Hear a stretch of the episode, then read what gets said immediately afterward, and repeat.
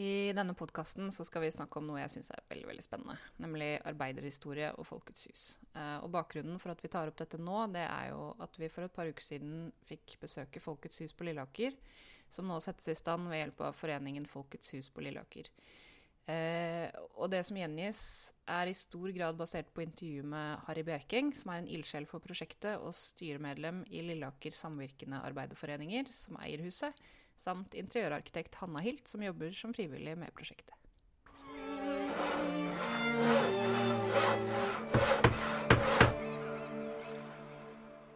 Eh, I forbindelse med 1. mai så satte jeg meg ned for å skrive en artikkel om eh, Folketshusbevegelsen. Eh, og dette er jo bygninger rundt om i landet som de fleste av oss har et forhold til. Her har man kanskje vært i konfirmasjon, i bryllup, bursdagsfest, vært og sett danseforestillinger, teater eller kino. Men ikke alle tenker kanskje over historien bak disse flotte forsamlingshusene. Sånn Rent personlig så er jeg veldig interessert i industrihistorie. Og Folkets hus på Lilleaker, eh, som vi primært skal snakke om i dag, eh, er for meg ekstra spesielt fordi jeg har vokst opp eh, rett over elva på på Bærumsiden, og jeg har hørt historier fra besteforeldrene mine om hvordan det var på Lilleaker da det fortsatt var industrisamfunn der, under hele oppveksten min. Eh, men det er også veldig spennende eh, som eksempel, for Folkets hus på Lilleaker ble bygget i 1905, og det anses som den virkelige starten på Folkets hus-bevegelsen i Norge. Eh, Folkets hus-bevegelsen kom jo til Norge relativt seint og det her var jo ikke fordi arbeiderbevegelsen ikke var framtredende i landet på 1800-tallet. Eh, men det var fordi man ofte kunne finne forsamlingslokaler i Norge uten å bygge egne hus, eller å rett og slett ha møter under åpen himmel. Eh, men den tunge industrialiseringen som skjedde i landet etter 1905, eh, og nye industrisamfunn som poppet opp i mindre folksomme strøk, eh, gjorde at man etter hvert eh, fikk store arbeidersamfunn som ikke hadde eksisterende bygg som de kunne bruke som forsamlingslokaler. Eh, og noen steder så var Folkets hus blant de aller første byggene som sto ferdig, mange år før det f.eks. sto en kirke på stedet. Eh, men vi kan jo ikke snakke om eh, Folkets hus på Lilleaker uten å snakke om industrien eh, langs Lysakerelven. Og Lysakerelven ligger helt vest i Oslo og markerer grensen mellom Oslo og Bærum. Og Lilleaker ligger på Oslo-siden av elva. Her ble det på 1800-tallet etablert flere store fabrikker som skulle bli veldig viktige for områdets arbeiderprofil, men som også er bakteppet for byggingen av Folkets hus. Eh, I 1875 etablerte Mustad og Sønn seg på Lilleaker, først med spikerproduksjon, Eh, men Lilleaker-området besto også av en rekke andre bedrifter, som Lysaker Kjemiske Fabrikker, som produserte svovelsyre og var med på gjødselsproduksjon. Gramfoss Granfoss Papirfabrikk lå også til Lysakerelven og var en viktig og stor papirfabrikk i den perioden. Eh, og Barnengen var også en del av industrimiljøet, sammen med flere andre, inklusive Farma margarinfabrikk. Industrien er jo da også viktig når vi snakker om bakgrunnen for Folkets hus eh, på Lilleaker, eller den ærverdige gamle damen, som de som er glad i huset i dag kaller den for. Som nevnt eh, flere ganger tidligere, så sto det ferdig da i 1905, eh, men opptakten til byggingen av huset var ganske dramatisk. Dette var jo en tidlig fase for etableringen av fagforeninger i området. Eh, Jern og Metall, eh, Arbeidsmannforbundet, Norsk Kjemiske Arbeidsforbund og Næring- og nytelsesarbeidernes forbund var representert og hadde medlemmer i området. Eh, og de hadde også en aktiv fagforeningsvirksomhet her. Eh, de ønsket seg et forsamlingshus eh, og hadde jobbet noen år med å finne en passende tomt. Og de prøvde å kjøpe av flere tomteeiere som ikke ville selge til arbeiderbevegelsen, før de til slutt, i 1903, kom over Ørakerveien 30, der hvor huset ligger i dag. Mens det ble sett på og forhandlet eh, om ulike tomtealternativer, så ble det også samlet inn penger i området. Og bidragene kom fra lag og foreninger, eh, frivillige bidragsytere. Og så vet man også at det ble arrangert en stor basar der inntektene gikk til husbygging eh, i 1902.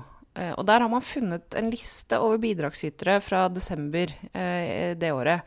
Og den forteller da bl.a. at eh, skomaker Hansen han ga et par damesko. Eh, Hans Gislesen en, eh, en kremskje.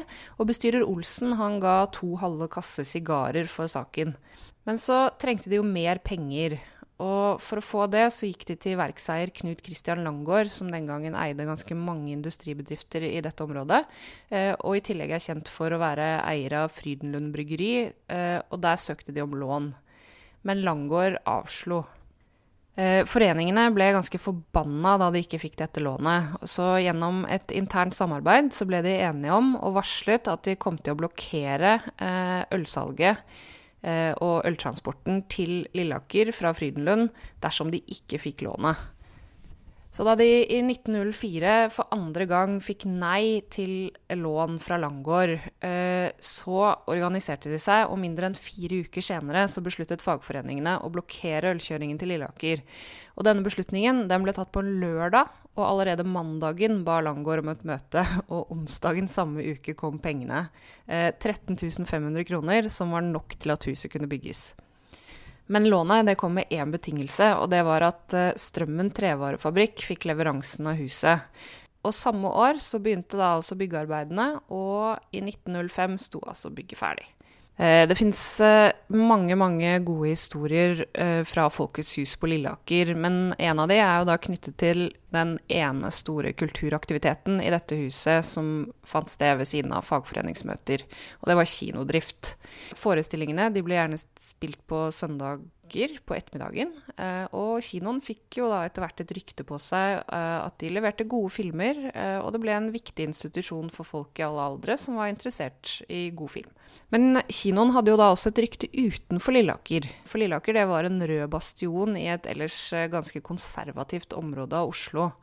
Og Jon Michelet han holdt et foredrag på Lilleaker noen år før han døde. og Der fortalte han bl.a. om oppveksten på Bestum, som ikke er så innmari langt fra, fra Lilleaker. Og svenneprøven for ungdommer på Bestum, kunne han fortelle, det var å sykle til Lilleaker, eh, gå på kino og komme seg hjem fra kino uten å få juling av, av de de på den tiden kalte for Lilleakerrampen. Og Lilleakerrampen eh, husker jeg også at mormor fortalte om. At eh, man måtte passe seg for å gå ned til Lysakerelva, for da kunne man møte på Lilleakerrampen som sto på andre siden av elva og kasta stein på jarungene på, fra andre siden av, av elva på Bærumsida. Og de skilte seg nok ut, for det var tøft å leve på Lilleaker på denne tiden. For dette var industri som i sin tidlige virksomhet hadde krevende både arbeids- og lønnsvilkår. Eh, og Mustad, som en av pionerene, begynte å bygge boliger for arbeiderne i området.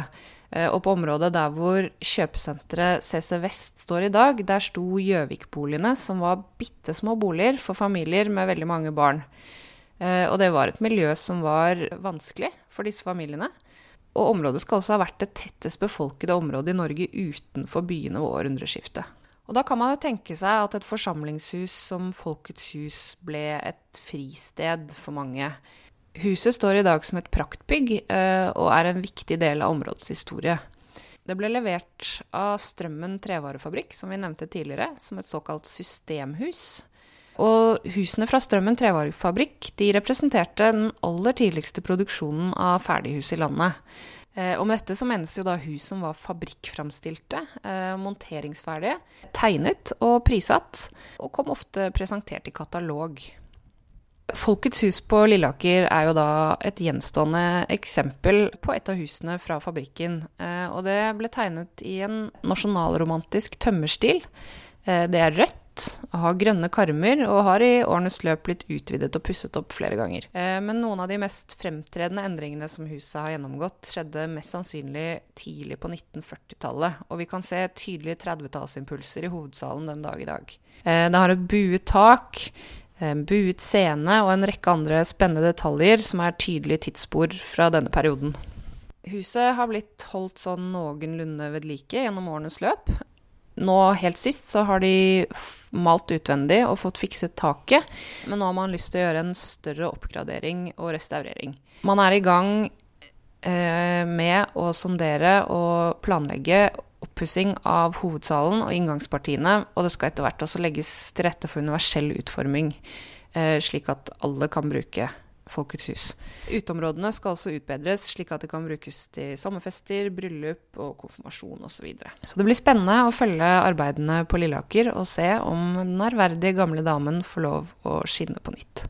Takk til Harry Bjerking og Hanna Hilt. Jeg har også funnet masse nyttig informasjon til denne episoden hos Arbeiderbevegelsens arkiv og bibliotek og hos Riksantikvaren.